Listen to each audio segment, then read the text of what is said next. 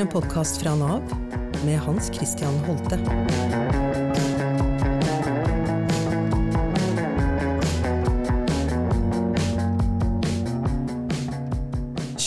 august delte konserndirektør for strategi og bærekraft Lars Erik Lund en svært personlig historie på Facebook. Den begynte sånn her. Bedrøvet. Det er det ordet som best beskriver min sinnstilstand gjennom dagen. Jeg kan ikke huske sist jeg våknet opp uten å føle meg bedrøvet, trist eller på en eller annen måte nedstemt. Hver morgen kjenner jeg på en uro og kanskje til og med redsel, en ulmende følelse som sprer seg fra hodet og magen. Jeg har alltid trodd at det er sånn det skal være, at det er slik alle andre har det. Jeg har aldri tenkt på det som symptomer på en mental lidelse. Men nå har jeg forstått at beskrivelsen av meg selv har en diagnose depresjon. Ikke en lammende depresjon der jeg tenker at jeg ikke orker leve lenger, eller at jeg bare vil legge meg tilbake under dynen, men en konstant følelse av nedstemthet, meningsløshet og håpløshet. Dette var altså ordene til en eh, topptrent, tilsynelatende lykkelig familiemann med toppjobb i et digert konsern. Lars Erik Lund, velkommen til Holtes Halle. Tusen takk skal du ha.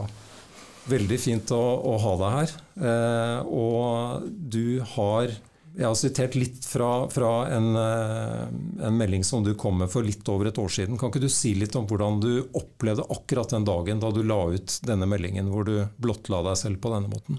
Ja, For det første så er det jo veldig lenge siden jeg har hørt det verken lest opp eller tenkt og lest det selv. Men, men den dagen den, det, Jeg husker at det var en tirsdag. Eh, og så hadde jeg tenkt på den dagen ganske lenge, at jeg hadde tenkt å legge det ut. Eh, så den morgenen startet som de aller fleste dager, altså tirsdager og torsdager gjør. Det er at jeg står opp eh, før noen har stått opp. Og så kler jeg meg på med liksom det som de fleste 53-åringer ser bra ut, og det er lykra. Um, altså sykkelklær. Og så syklet jeg inn til byen uh, og møtte de andre i det som heter Oslo Dawn Patrol her nede nederst i, i Kongsveien.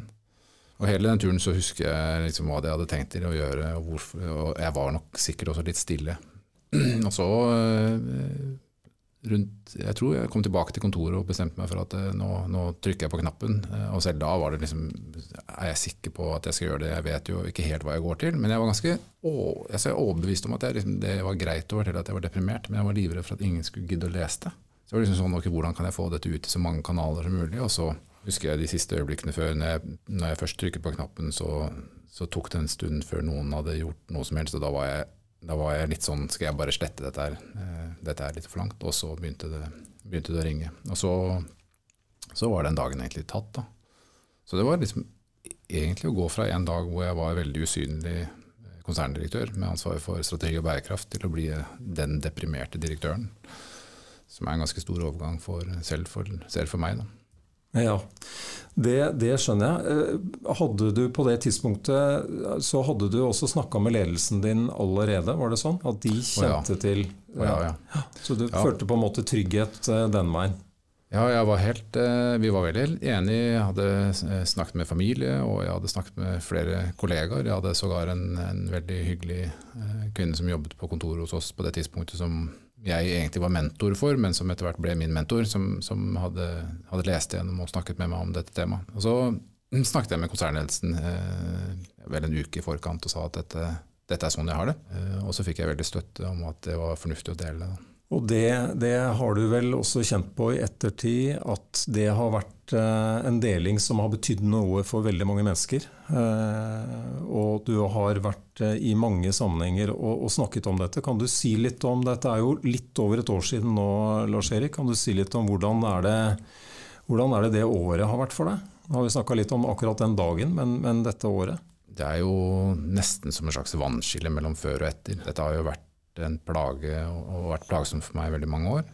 Og, og, det er jo fremdeles ikke ferdig. Altså jeg er jo sånn at jeg, jeg baler jo med mye utfordringer fremdeles. Men for meg så har det vært eh, en veldig altså rett og slett å, å, stikke litt hull på den ballongen. Altså det som egentlig er noen skall utenpå noe du skammer deg over. Som, som du liksom løsner opp i og sier at ok, det er greit å snakke om det. Og opplever at folk sier at det er helt greit at du snakker om det. Ikke bare er det greit, det vi vi kjenner oss igjen i det, og vi vil gjerne at du deler mer, slik at vi får vite hvordan Det er en, det er en fin følelse, fordi du rett og slett føler at du blir akseptert. Så det har vært viktig. Eh, og så har året gått, så har jeg lært ganske mye, både i form av diagnoser, og jeg har vært gjennom en stor utredning hos DPS og fått eh, holdt på å si passe påskrevet, og, og vært gjennom mange samtaler med, med, han som er psykologen min i dag, da, eh, og, lært mye av meg selv. Så, så den, den, oppfølgingen og behandlingen den har også kommet i etterkant av at du, du gikk ut med dette?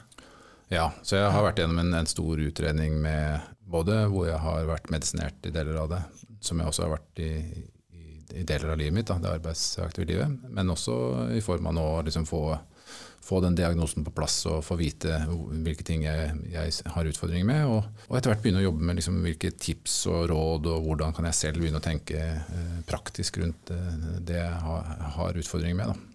Var det det som du da gjorde for litt over et år siden, var det noe du hadde tenkt på lenge? Har, har du, hvis du går litt sånn tilbake før den tida du, du, gjorde dette? Jeg tror personlig så, hvert fall min egen del, så har jeg jo tenkt ofte at hvis folk bare visste hvordan jeg hadde det, hvis folk bare visste hvor, hvor mm. leit det er, og hvor mange ganger jeg sitter i bilen inn til jobb og gråter, eller hvor mange ganger jeg våkner opp om morgenen med en klump i magen og jeg tenker at dette her er rett og slett frykter hverdagen. Så det har jeg hatt lyst til å fortelle om, og så har jeg tenkt at det er, passer seg liksom ikke på en arbeidsplass. Det å være profesjonell og det å ha et profesjonelt forhold, det dreier seg om å holde eh, følelser eh, utenfor, og at man skal opptre rasjonelt, og så får man heller ta med seg de følelsene hjem. Så det har jeg vel beskrevet i enkelte tilfeller som at jeg, liksom, jeg tar med meg en ryggsekk på jobb, og så velger jeg å la ryggsekken stå utenfor, og så når jeg går hjem, så tar jeg ryggsekken på meg igjen med alle følelsene, og så lemper jeg det ut på en familie som er intetanende, skal liksom ivareta eh, disse utfordringene når jeg kommer hjem. da. Mens jobben egentlig skal liksom få lov til å ha den liksom, eh, fornuftige, rasjonelle, eh, ordentlige Lars. Og, det er jo ikke sånn at uh, det å fortelle om det fjerner den, uh, den situasjonen du har, den diagnosen du har. Uh, men har det gjort noe med hvordan hverdagene dine oppleves? Ja. Utover det selvsagt at det nå snakkes mye om det, og at du, du, du bruker mye tid rett og slett på, på denne åpenheten? Ja, så rent sånn, I arbeidshverdagen så er det ikke sånn at jeg går rundt og snakker om min egen depresjon til tider. Altså. Det er liksom ikke titt og stadighet. Så jeg, jeg, jeg, er ikke, det, er ikke, det, er ikke, åpenhet for enhver pris, men det, er, men det, er, muligheten til å kunne komme med de følelsene jeg har. sånn at Innimellom så har jeg vanskelige dager, og innimellom så er jeg ganske blid. Eh, og så, så, vet folk hvordan jeg har det. Jeg tror det er litt, det, det må faktisk kunne være stille i dette her, og oppleve at liksom, jeg trenger ikke å bli fikset på. Det, har vært viktig. da. Eh, så det, altså, det blir en helt helt annen hverdag hvis du føler at du kan være den du er. Og det er klart at det å ha en mental utfordring sånn som jeg har, lidelse som jeg har, det er jo en usynlig funksjons, kall det en funksjonsutfordring. da. Eh, å gå på jobb hele tiden og prøve hele tiden å være, eh, være sånn som alle andre eh, og tenke at det ikke er akseptert å være sånn som du selv er, det er jo tøft. da.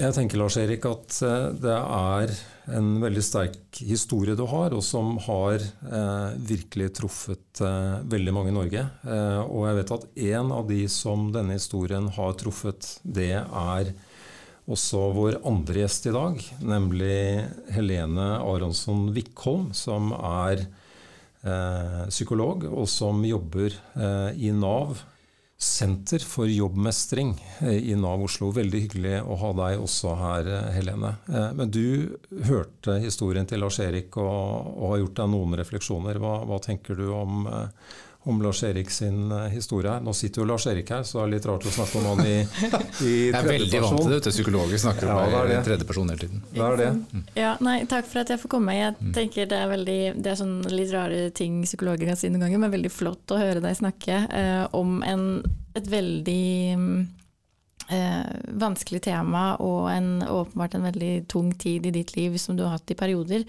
men at du forteller om det på en så lærerik måte for resten av oss. Uh, og jeg tenker at vi kan alle sammen kjenne oss igjen i det du beskriver, uh, som handler om det å være menneske og bli berørt av livet på et vis. Um, så det at du står frem med din historie og forteller om det du har erfart, både på godt og vondt, tenker jeg har veldig stor betydning for oss alle sammen. og at det er veldig mye vi kan lære av det. Det som er veldig fint med det du forteller om her, er, eh, som jeg var litt inne på i sted, at vi kan alle sammen kjenne oss igjen i det å bli berørt av livet på et vis i ulike versjoner, og så ser din historie akkurat sånn ut. Eh, mens andres historie kan se litt annerledes ut.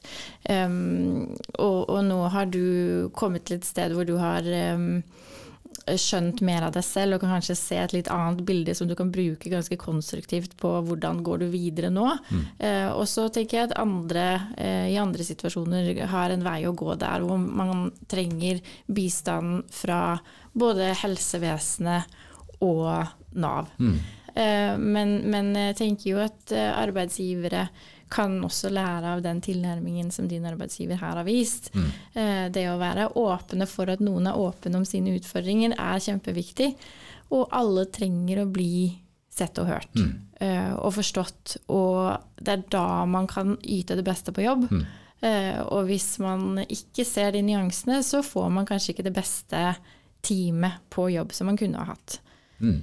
Eh, så det er veldig veldig fint å høre det som eksempel. At det finnes den type arbeidsgivere, er betryggende å vite. Jeg tror, jeg tror det finnes veldig mange arbeidsgivere som har, har, har det samme, men som ikke alltid liksom kan grepene. Altså det tenker jeg også er viktig å få frem. At liksom mm. det, jo, det, å, det, å, vite hva man skal gjøre i disse situasjonene, er jo vanskelig. Rett og mm. slett fordi det er få som, som forteller åpent om mentale lidelser på jobb. Absolutt. Og jeg tenker at um, på mange måter så kan vi um, nå trengte ikke du å bytte jobb, hører jeg, eh, og det er jo kjempeflott, men for andre så kan kanskje det være en viktig mm, del av en eh, forbedringsprosess. At man mm. må ta noen valg på hvor skal jeg egentlig være i arbeidslivet. Kanskje faller man ut av jobb eh, hvis man eh, får en depresjonsdiagnose. Kanskje blir man sykemeldt over tid. Eh, det er en del prosesser som man må gå inn i for å finne ut av hva er lurt nå. Um, så det er veldig fint å høre at, uh, at, du kunne komme tilbake, eller du har fungert der hvor du er, da. Mm. Uh, mens andre kanskje trenger hjelp til å finne ut av skal jeg et annet sted.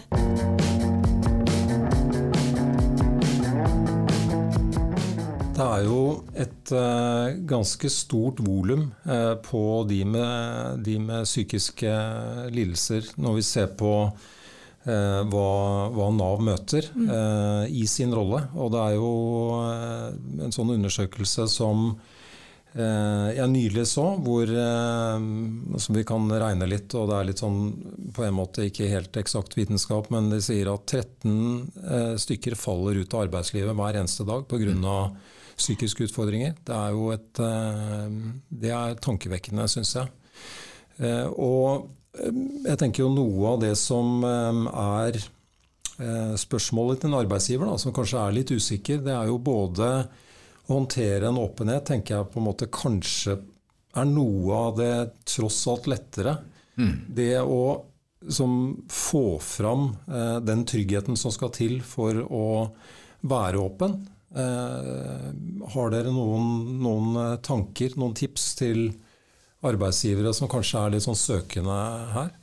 Ja, altså jeg har, har, helt sikkert det. Og så tror jeg en av de tingene som er viktige, og det, det, er to deler av dette bildet når det gjelder psykisk helse på arbeidsplass. Er at vi som arbeidsgivere klarer å håndtere mennesker som faktisk sliter, altså, og kan tilby de hjelp når de trenger å få den hjelpen. Eventuelt liksom, ulike former for sykemeldinger og løsninger og komme tilbake i jobb. Men det andre er at liksom, hvordan er det vi faktisk skaper et arbeidsliv som bidrar til et bedre psykisk helse. Og der tror jeg vi kanskje liksom ikke alltid eh, håndterer det like greit. Så det å, det, å, det å, skape en arbeidsplass som ivaretar mennesker som faktisk faller utenfor, altså som har sånn som, ja, da, med depresjon og kunne håndtere det, det, å, det der finnes det frykt, altså, skal ikke si fryktelig, men fryktelig mange gode, gode råd. Da. Også i samarbeid med, med, med Nav men, og, og, samarbeid med helsetjenesten. Mm. Så vi har jo løsninger der vi har eh, tilbyr psykologbistand, der vi kan tilby eh, graderte liksom, sykemeldinger, der vi kan få til alle disse løsningene for å få, eh, kunne, kunne, kunne stå i jobb. Og Årsaken til det er rett og slett at uh, psykisk helse, det å være i jobb, det å oppleve at du selv er relevant og betydningsfull, at du skaper verdier, at du bidrar med verdi, du, det er en viktig del av det. Det å, det å, ha betydning.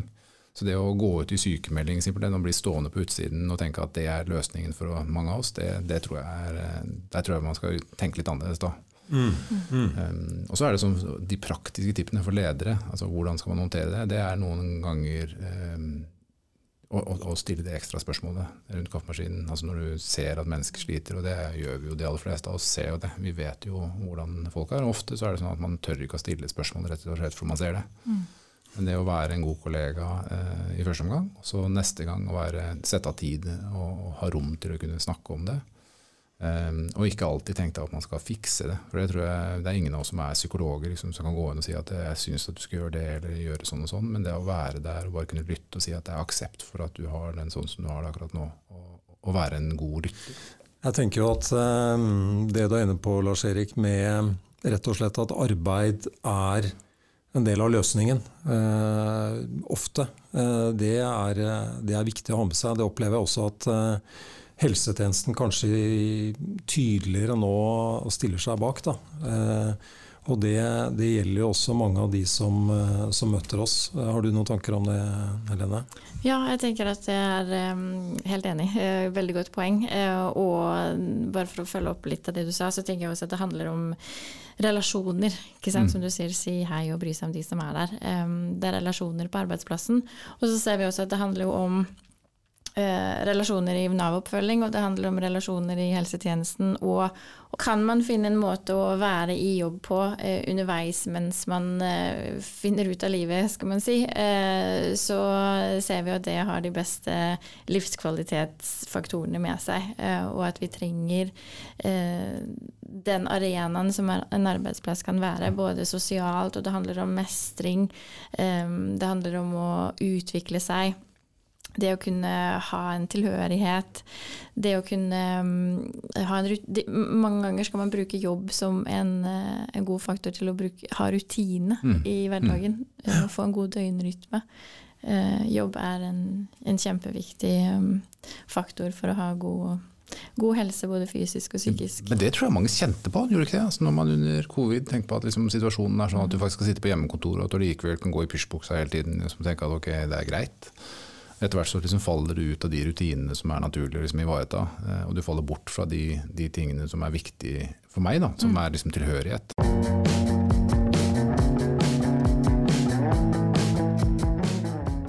Jeg vil jo tenke at eh, for en gruppe som er veldig viktig for oss i Nav, så er det det står på en måte så mye på spill. Og da tenker jeg på unge mennesker som lett faller utafor.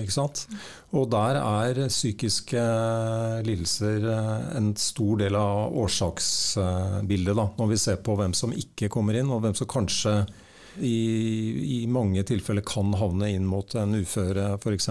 Mm. Så det, det å virkelig Ehm, ja, se hvordan den gruppa der eh, kan møtes eh, og bli en del av arbeidslivet på en god måte. For der, der, står de ofte og vipper, og det er de klassiske historiene som vi ser også er reelle mm. i, i, Nav. Altså gamere som sitter på, på gutterommet og den type ting. Mm. Hvor, hvor, altså selvfølelse og selvrespekt osv. synker etter hvert som man nettopp har det utenforskapet mm. som du egentlig beskriver veldig godt, Lars Erik. tenker jeg. Det med å, som ikke føle den tilhørigheten, mm. rett og slett. Ja, altså det, men, men, det jo, her, her, kommer vi tilbake til det som jeg tror kanskje er interessant å diskutere også. Det er jo hvilken rolle er det et privat næringsliv faktisk spiller i dette. her. Er, det, er det vår rolle å ivareta sånn at utenforskapet liksom reduseres, vi òg? Jeg, jeg tror jo det. Jeg tror jo at uh, vi har et samfunnsansvar som strekker seg utenfor de portene vi har, uh, til også å se at uh, vi er til stede på veldig mange områder i Norge. Vi, vi har en rolle å spille i å sørge for at folk får et eh, vettugt og et, eh, et, meningsfylt arbeid der de opplever at de er relevant og, og, betydningsfulle. Og Da er det klart at da må vi også evne å se at det finnes mennesker som i dag faller utenfor arbeidslivet, som trenger å få, få, få en introduksjon til arbeidslivet. Det som er skremmende, det er å se på hvor mange unge som faller utenfor arbeidslivet i dag, som egentlig går rett ut i uførhet uh, uten å faktisk komme ordentlig på jobb.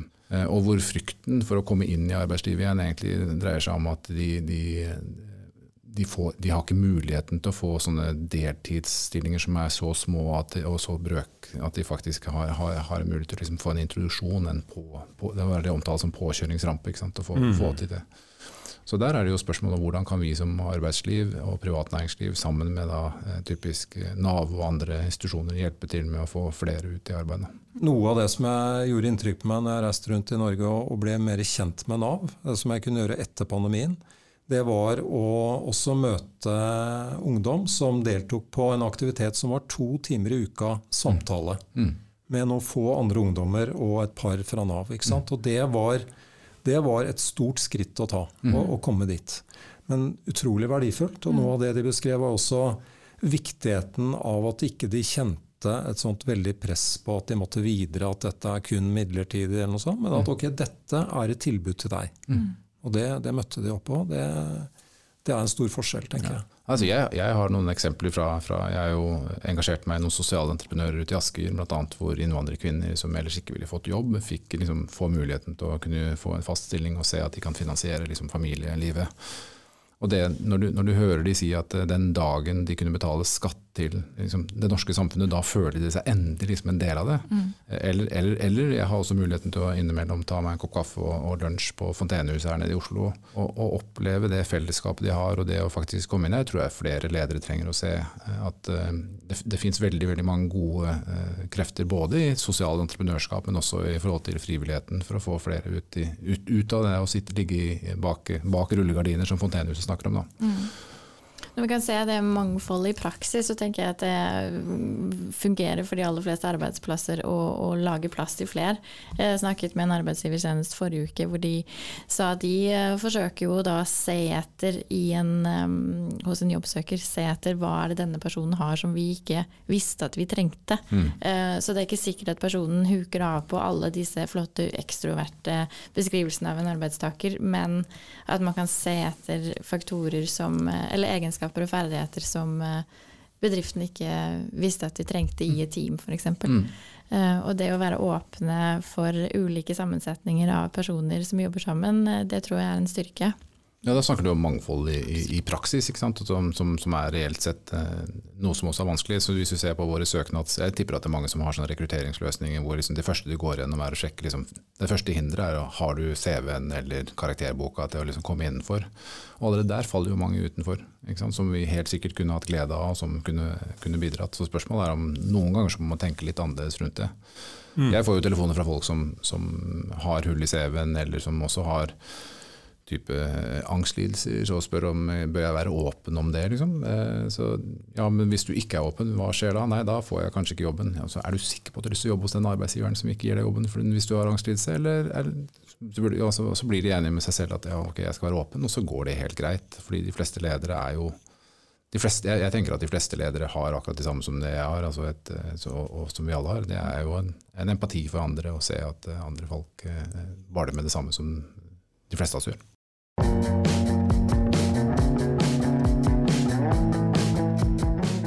Kan du si litt mer Lena, om sånn type, type, arbeid du gjør i det daglige? Hva, hva er en typisk dag for deg eh, i rollen din?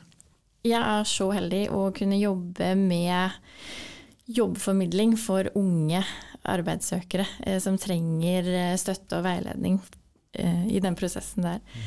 Uh, I det tiltaket som jeg jobber i, som heter Senter for jobbmestring i Oslo, uh, så hjelper vi og samarbeider med unge jobbsøkere som har da, såkalte milde, moderate angst- eller depresjonsplager. Mange av dem vil ikke kjenne seg igjen i at de har en depresjonslidelse eller en angstlidelse.